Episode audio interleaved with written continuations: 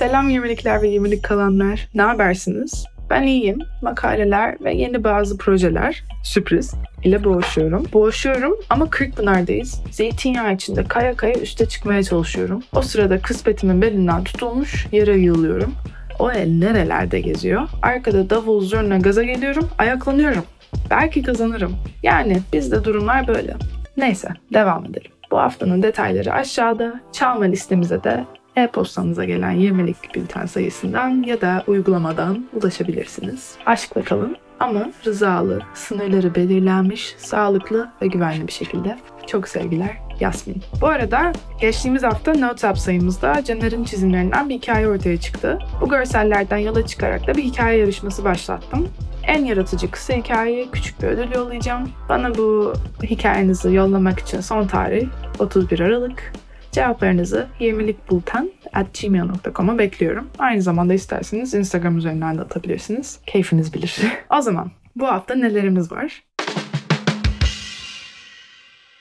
Aralığın son demlerindeyken aşk meşk fişek sayımızın ikincisiyle sizlerleyiz. İlk aşk meşk fişek sayımızda hayatımı zorlaştırmak için dünyanın en komplike kelimelerini ardarda arda koymayı severim. İlk aşk meşk fişek sayımızda evlilik, vintage flirt kültürü ve aşık olma konularına odaklanmıştık. Tabi ilişkiler sadece evlilik ve aşık olmaktan ibaret değil. Zaten özünde insan olan çoğu şey basitçe açıklanamıyor. Açıklanmamalı da zaten. Herkesin deneyimi, yaşamı, fikirleri çok farklı. Bu kadar rengi de görmezden gelip aynı kefeyi koymaya çalışmak olmaz. Biz insanoğlu olarak smoothie değil, aşureyiz. Unutmamak lazım. Orada önemli olan farklılıkları göremeyecek kıvama gelene kadar kesmek, yok etmek değil. Tüm o farklılıkları bilerek bunu o tatlının içinde ne yapıyor demeden bu tatlıyı sevebilmek, sevmesek de anneannemiz yaptığı için yiyebilmek. Yani farklılıkları kabul edebilmek demek oluyor.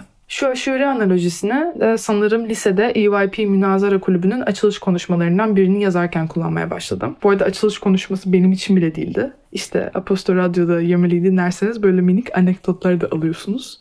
Ama illaki aşureden bahsedeceğim. Yani duramıyorum. İlla illa illa bir aşure diyeceğiz. Şimdi neden aşureden bahsediyordum? Heh tamam. İlişkiler dedik. Sadece aşktan ibaret değil dedik. Aşk kadar önemli, hatta daha da önemli iki şey de rıza ve sınırlar. Bu iki kavramı ben ilkokul, ortaokul, lisedeyken çok konuşmadık. Anne babam sayesinde küçük bir yaştan itibaren tabii ki biliyordum. Ama okul, okulun da bu eğitimi vermede bir sorumluluğu yok muydu? Hani belli bir yaşa gelince dönem kızlar ve erkekler olarak ikiye ayrılır ki bu ayrıştırma olayına şu an girmiyorum bile ve genel bir bilgilendirme konuşması yapılırdı ya kızlar için reglden girilir, güvenli ilişkilere değinilirdi. Güvenli ilişki burada sadece fiziksel bir konuşmaydı. Korunması seks yapmayın temasında ilerlenmişti. Peki, tamam. Unutulmaması gereken önemli bir detay. Evet ama güvenli ilişki sadece bu değil değil mi? Güvenli bir ilişki güvende hissetmek. O güveni pekiştirdikten sonra en özel ve kırılgan tarafını göstermeyi seçmek demek. Evet burada seçmek anahtar kelime. Güvenli ve sağlıklı bir ilişkide zorlanmış, baskı yapılmış hissedilmemeli. Güvenli bir ilişki demek partneriniz ile iletişim kurmanın kolay olması, duygularınızın sadece duyulduğunun değil, dinlendiğinin ve anlaşıldığının da bilinmesi demek. İlişkileri sadece sekse indirgemek ve seksin de en mekanik kısmı olan koruma kullanmak kısmına odaklanmak insan ilişkilerinde çok büyük bir boşluğu bize gösteriyor. Buraya nasıl geldik? İhtiyaçlar, istekler, arzular, sınırlar konuşuldu mu? Herkes şu an bu durumda mutlu mu? Heyecanlı mı? Rahat mı? Güvende hissediyor mu? Emin miyiz? Eminiz. Tamam o zaman hadi bakalım. İyi eğlenceler. Bu hafta 20'likte aynen bu konulardan bahsediyoruz. Harika ve öğretici bir sayı ile sizlerleyiz. O zaman bakalım bu hafta nelerimiz var. İlk olarak çok heyecanlıyım. Tabukama ekibinden Tuğba Gökduman ve Rayka Kumru sınırlardan ve sınırların büründüğü farklı formlardan bahsediyor. Dün gecenin ikinci bölümü burada. Zeynep sizden gelen hikayelerin bazılarını derledi. Sonra Ceren güvenli ilişkiler ve onay vermek üzerine bir yazı yazdı kısa bir rehberde paylaştı. Ayşe ise çağımızın vebası olarak adlandırdığı ghosting üzerine düşüncelerini yazdı. Yine uyarayım. Bu hafta çok dolu bir bültenimiz var. Eğer bu cümleleri dinlerken aynı zamanda e-posta veya uygulama üzerinden takip ediyorsanız bilin ki şöyle rahat bir yere oturmanız gerekiyor. Çünkü biraz uzun olacak. Yolda dinliyorsanız ayaklarınızı şöyle güzelce uzatabiliyorsanız uzanın, sırtınızı yaslayın, yürüyorsanız yürümeye devam. Bir süre bizlesiniz. O zaman başlıyorum. İlk olarak Tabu Kamu ekibinden Tuğba Göktuman ve Rayka Kumru'nun Sınırlar çekilmek için mi, aşılmak için mi vardır yazısı sizlerle. O zaman başlıyorum. Aşktan meşkten söz ederken sık sık aşk sınır tanımaz denir. Gerçekten aşıksan onun için her şeyi yaparsın denir. Bu her şey potasına güzel şeyler kadar çekindiğimiz, korktuğumuz, istemediğimiz şeyler de atılır çoğunlukla. Flört ilişkileri ve sınır yan yana düşünmesi imkansız şeyler gibi sunulur ideal aşk ilişkilerinde.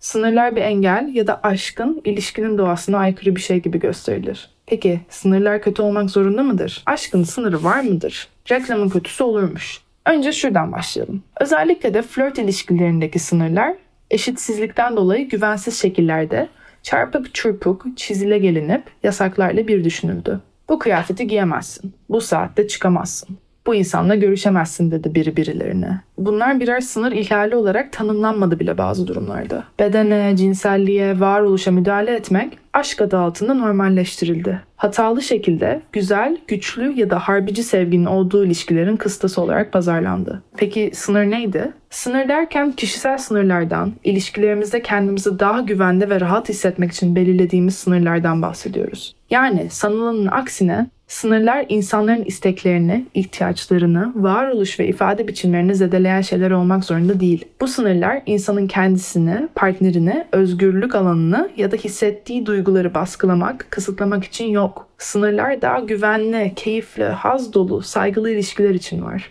Bizi bir şeyin dışında bırakan, ötesine iten değil, istediğimiz ve kendimiz gibi var olmamızı sağlayan çizgiler. Sınırlarımız bizim miydi? Hepimiz dünyaya bize özgün bedenlerle geliriz. İçinde büyüdüğümüz çevrelerin değerleri, bizi şekillendiren kültürler, dinler, normlar, edindiğimiz bilgi ve deneyimler de bir o kadar bize özeldir. Sonuçta hepimiz çeşitli isteklere, ihtiyaçlara ve sınırlara sahip insanlar oluruz. Sınırlar bazılarında A noktasına, bazılarında B noktasına çizilir. Bazılarının sınırları mor renklidir, bazılarınınki yeşil. Sınırlar yapabileceklerimiz ve yapamayacaklarımız, istediklerimiz ve istemediklerimiz ile alakalıdır ve herkese çok çeşitlidir. Sınırlar esneyebilir, sıkışabilir, çoğalabilir, renk değiştirip yok olabilir. Sınır o sen misin? Peki senin bazen ilişkilerinde ne istediğini, neyi yapmaya hazır ve meraklı olduğunu bilmediğin zamanlar oluyor mu? Bu çok normal Bazen bazı yerlerde ya da bazı insanlarla birlikteyken sınırlarının neler olduğunu anlamak ya da sınır belirlemek zor olabilir. Bazen hoşlandığın biri hoşlanmadığın bir şey yaptığında buna hayır demek korkutucu gelebilir. Anın büyüsünü bozan, tat kaçıran, oyun bozan partner olmak istemezsin. İçten içe hissedersin o davranıştan, sözden, durumdan haz almadığını ama ses etmezsin. Bazen görmezden gelirsin. Belki bir tanıdığının görmesinden çekindiğinden dışarıda el ele tutuşmak istemiyorsundur ama üzülür diye düşünür çekmezsin elini. İlk cinsel ilişkini henüz yaşamaya hazır hissetmiyorsundur ama söylemekten çekinir. Nasılsa bir gün hazır hissetmeyecek miyim diye ikna edersin kendini. Aşkını, sevgini ya da ilgini kanıtlamak için her şeyi kabul etmen risk alman ve konfor alanından çıkman gerektiği düşüncesi zorlar seni. İçinde bir şeylerin doğru olmadığını hissedersin. Kendine değil ona hayır demek. Bazen hayır birine Bazen de bir davranışadır. Bazen de kendimizi belli bir ortamdan ayrıştırma, değerlerimizi kendimize hatırlatma biçimimizdir. Bazen de hayır bir davranışa hayır demektir, bir insana değil. Sınırlarımızı ifade etmek, karşılıklı beklentilerimizin neler olduğunu anlamaya yardımcı olur. Beklentilerimizin çeşitli olması bizi biz yapan her şeyde olduğu gibi olandır. Sınırlara saygı duymak ise güvenli ilişkilerin olmazsa olmazıdır. Bununla birlikte sınırlar asla değişmeyecek. Bir kere çizildiğinde ömür boyu kalacak katı duvarlar değildirler. Büyüdükçe, yeni şeyler öğrendikçe, yeni insanlar tanıdıkça hayata bakışımız, isteklerimiz ve değerlerimiz de değişebilir. Bunun neticesinde bugün A noktasında çizdiğimiz sınırlar bir gün B noktasına yaklaşabilir. Önemli olan bu değişimin başka insanların ihtiyaç ve isteklerine göre değil, kendininkilere göre olmasıdır. Kendin için en iyi olanı yine en iyi sen bilirsin. Nasıl daha rahat ve güvende hissedeceksen sınırlarını da o şekilde güncelleyebilirsin. Mesela bugün tek eşli bir ilişkide olmaya ihtiyacın vardır. Bir gün çok eşli bir ilişkide olmayı denemek isteyebilirsin. Denediğinde sevebilir ya da sevmeyebilir ve sınırlarını tekrar eski haline getirmek isteyebilirsin. Sınırlar sen istediğin sürece esnek, değişken ve bazen de köklü ve sonsuza kadardır. Kişisel sınırlara ve kişisel sınırlara saygı duymaya ihtiyacımız var. Çünkü sınırsızlık, sınırları zorlamak, sınırlarını sorgulamak ve ihlal etmek özgürlükle, cesaretle ve aşkla ilgili değil. İlişkilerimizde birine bir şeyleri kanıtlamaya değil, güvende ve rahat hissetmeye ihtiyacımız var. Sınır ihlali flört etmenin bir yöntemi değil, bir flört şiddeti olabilir. Sağlıklı ilişkiler, kişisel sınırlar, flört şiddeti ve ilişkilerle ilgili birçok konuda bilgi almak ve mevcut bilgini test etmek için tabukamu.com'u ziyaret edebilirsin. İkinci kanalımızda Dün Gece var. Dün gecenin ikinci sayısında Zeynep yine sizden gelen hikayeleri derledi. Üç tanesini bu hafta bizimle paylaşıyor. Arzu ve korkularımızın paylaşılarak sindirilebileceğine olan inancımızın amansızca aradığımız birliktelik hissinin hazine avı başlıyor. Uyarı, seri boyunca şiddet ve taciz unsurları içeren hikayeler yer alabilir, hassasiyet taşıyan okurların dikkatli olması önerilir. Zeynep'ten sevgilerle. Birinci hikayemiz güzel mi güzel tam da bir date için buyurun gelin diye seni kendine çeken bir kafede geçiyor. Hikayeyi paylaşan kişimiz 26 yaşında. Dershaneden arkadaşım olan CB ile yıllar yıllar sonra Instagram üzerinden ortak paydada buluşup konuşmaya başlıyoruz. Sohbetimiz aşırı güzel ve komik devam ediyor ve artık buluşmaya karar veriyoruz. Beni almasını istememiş olmama rağmen buluşmaya kendim gelirim diye çok direndim. O yarı lüks arabasıyla geliyor ve mekana geçiyoruz. Sohbete başlar başlamaz daha önce ne böyle bir arkadaşım olmuş diyorum ne de flört ettiğim diğer kişilere benzeyen bir yanı var diyorum. Yaşadıkları ve maddi gücünden dolayı benden bir iki kumaş üstte diye düşünüyorum sürekli. Çok da konuşmuyorum zaten. Onu dinlemek, gözlemlemek istiyorum. Aslında karşılıklı bir beğenme de oluyor ama ben direkt olmaz abi çok bir ortak noktamız yok demeye ve kafamda kurmaya başlıyorum. Arkadaşım anlattıkça anlatıyor, ben sürekli onun anılarını dinlemek durumunda kalıyorum. Arkadaşıma da bu his geçmiş olacak ki sen beni beğenmedin herhalde. Beni bir daha görmek istemiyorsun sanırım diyor. Uzun lafın kısası, date'i kafamda deli saçması şeyler kurarak, kendimi böyle görerek, konuşmalarda bu şekilde hissederek geçirmeseydim belki sonu böyle olmayacaktı. Düşündüğümden güzel bir flört dönemimiz olabilirdi. Yani hemen ileriyi çok düşünüp kasmamak lazımmış. Sırf insanların yaşam tarzı seninkine benzemiyor, farklısınız diye ayrışacağınız anlamına da gelmiyor bence demeye başladım. Bu dersi alarak yola devam ediyorum.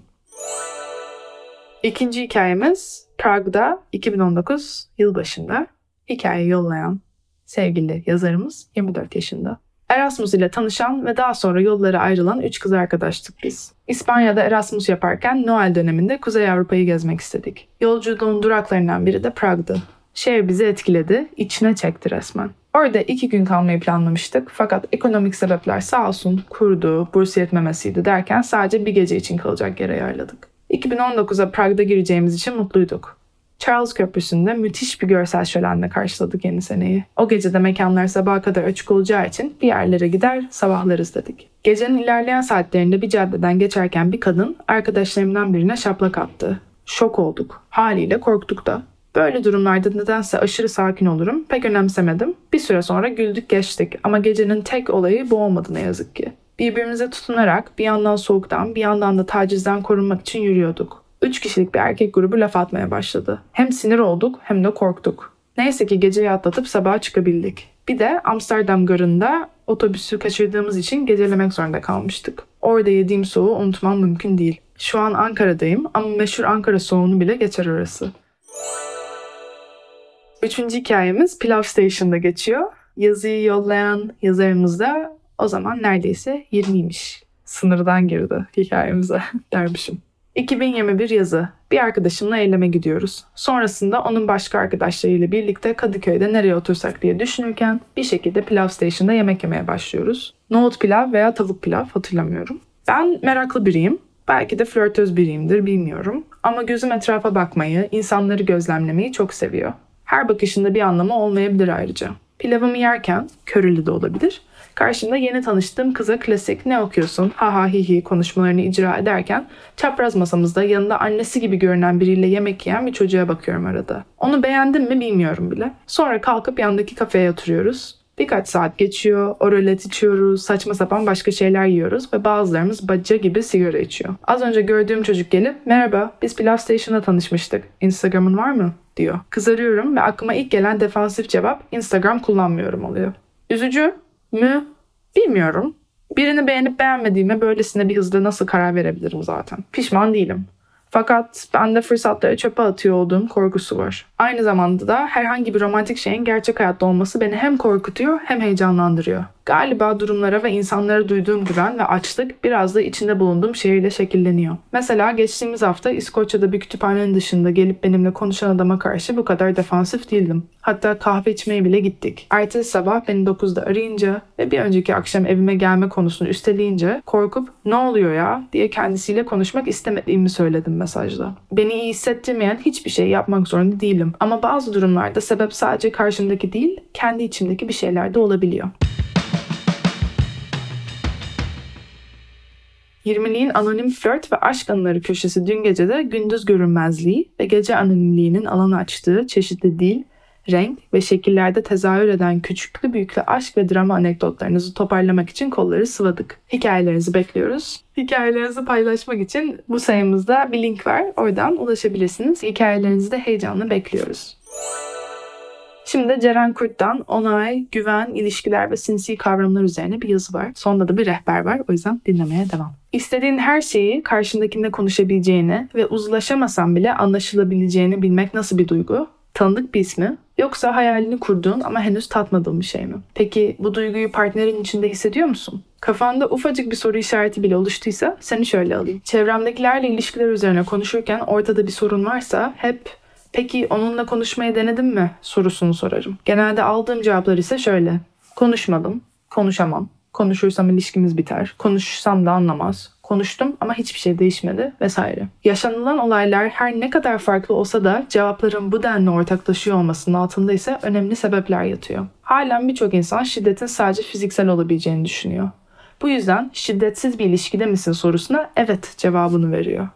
Ancak şiddetin onlarca çeşidi var ve büyük bir çoğunluğu fiziksel değil. Daha da önemlisi şiddet çok sinsi bir olgu. Çok basit hamlelerle, sözlerle başlıyor ve katlanarak büyüyor. Eğer ki fark edilmez ve şiddet döngüsünden çıkılmazsa güvenli olmayan ilişkiler sürmeye devam ediyor. Bu o kadar sinsi bir durum ki güvenli olmayan ilişkiler devam ettiği gibi kişiler de bu sorunlara çeşitli kılıflar uyduruyor. Seviyor ki kıskanıyor. Aslında pamuk gibidir ama damarına basmayacaksın. Beni üzmemek için yalan söyledi gibi gibi.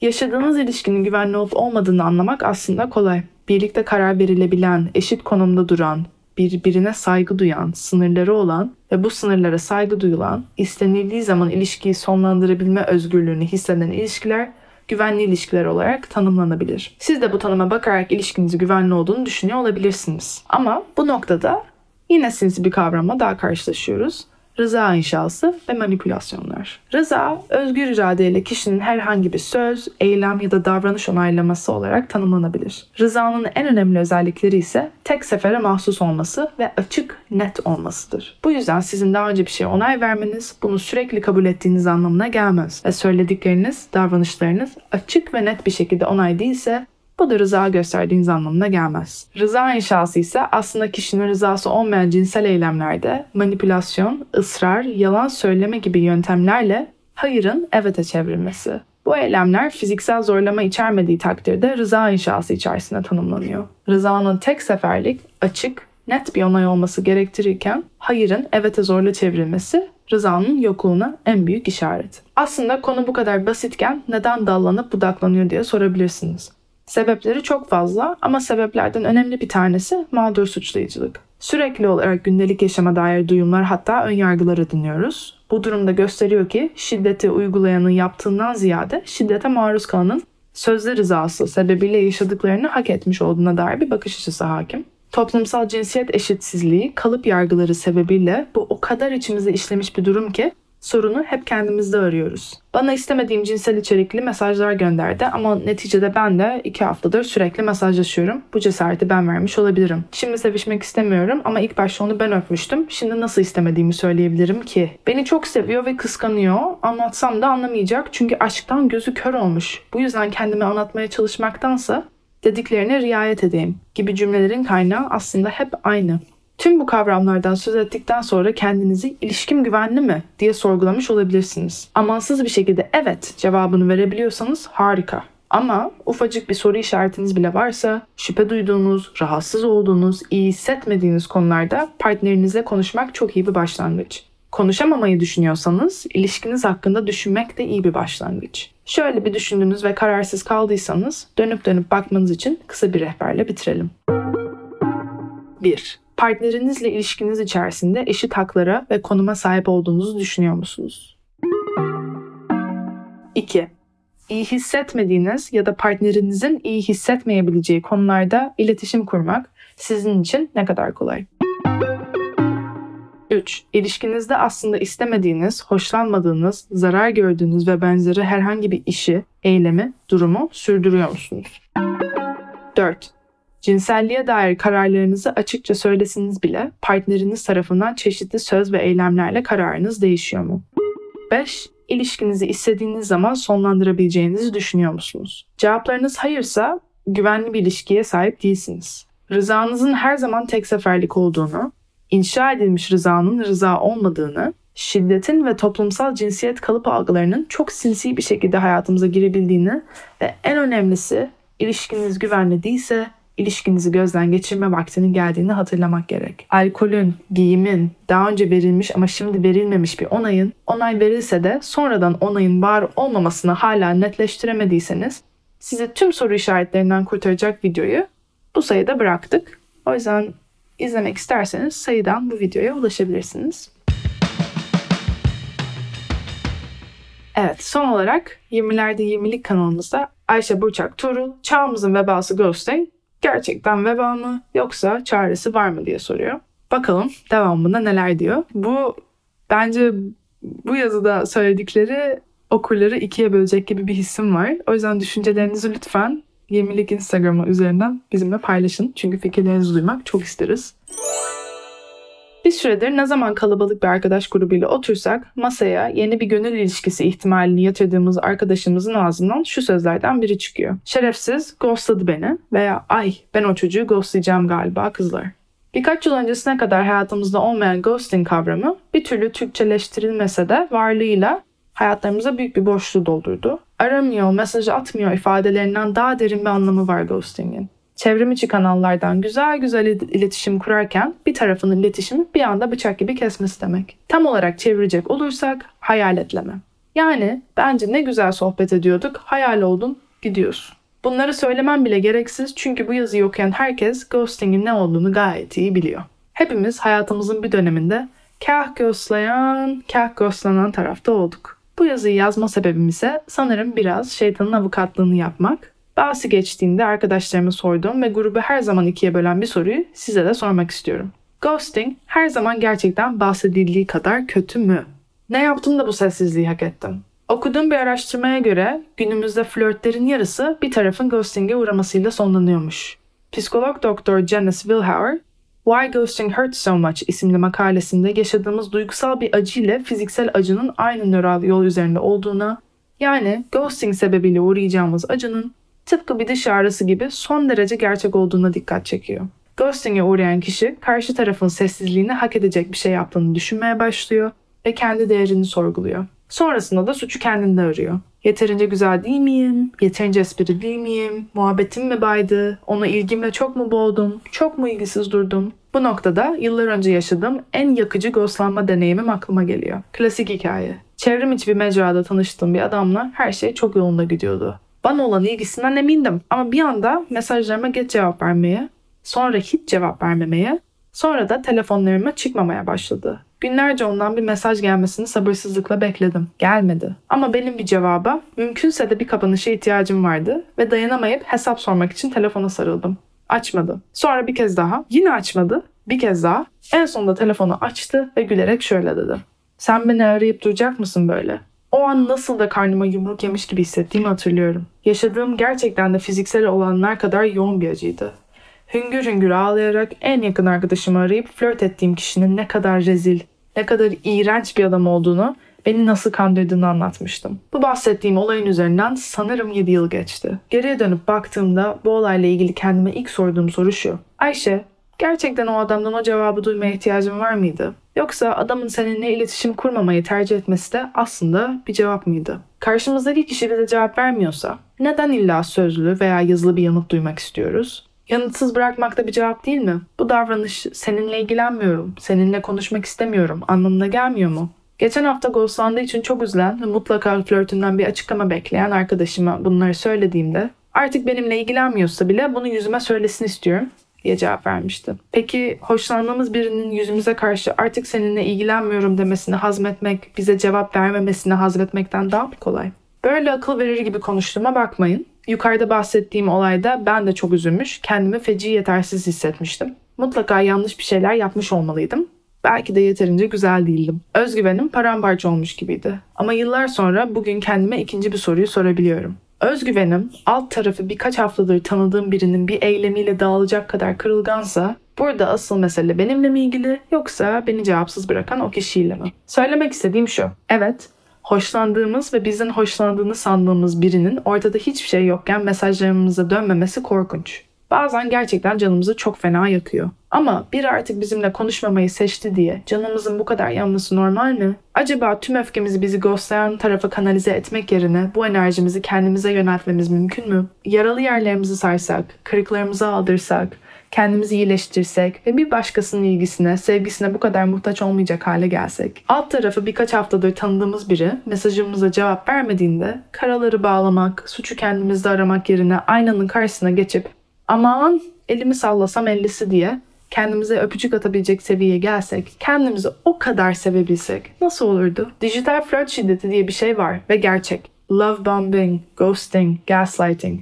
Bunları küçümsediğim sanılmasın. Sadece ilişkilerin iki taraflı olduğunun altını çizmek istiyorum. Elbette ghostlayan kişilerin bize niyetine dair bir açıklama yapması daha şık olurdu.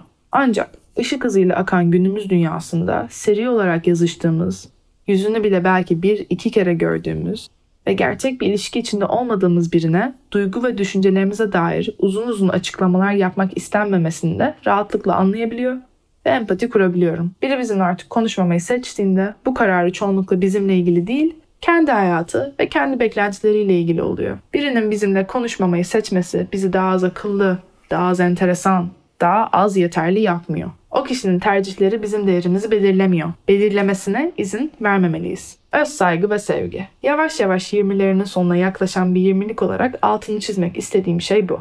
Karşımızdakinin davranışlarını kontrol edemeyiz. Ama bu davranışlardan nasıl etkileneceğimizi kontrol edebilir, bu davranışlara maruz kalmaya devam edip etmeyeceğimizi seçebiliriz. Kararlarımızın sorumluluğunu alabiliriz. Anahtar sözcükler öz sevgi ve öz saygı. Hiç kimseye ihtiyacımız yok ama bunlara çok ihtiyacımız var. Hayallerimizi süsleyen o harika, rüya gibi insan her şey on numara giderken mesajlarımıza dönmemeye başladı diye üzülmek kolay. Gelin artık zor olanı yapalım. Bundan çok da etkilenmeyecek kadar güçlü birer birey olmanın yollarını arayalım. Bizi ghostlayan kişi için adam pisliğin teki çıktı Rıza baba deyip saçımızı savuralım ve önümüzdeki maçlara bakalım.